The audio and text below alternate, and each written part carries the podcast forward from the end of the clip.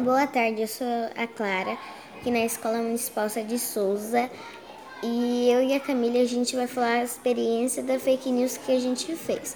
A minha experiência foi, a professora chamou é, quatro pessoas, eu acho, foi cinco pessoas para soltar essa fake news.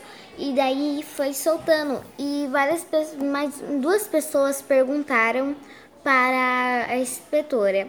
E as outras ficaram felizes. Teve até uma que eu falei queria brincar no outro, em outro jogo porque sabia que ia ter mais tempo, achava que teria mais tempo e daí ia ficar lá mais, ficaria jogando um pouco lá e depois podia voltar para cá pra, porque teria mais tempo para brincar. Então é, as pessoas também têm que saber o que é fake news e tente achar o que é ser fake news, porque às vezes pode ser um negócio muito sério e você tá soltando por aí.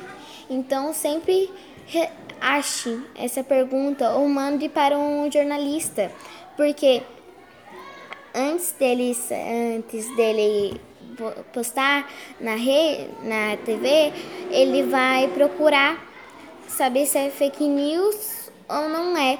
Então, você não soltar na televisão é porque é uma fake news. Se soltar, é porque não é uma fake news. Então, sempre procure falar com algum adulto ou falar com alguém especialista em saber que é fake news.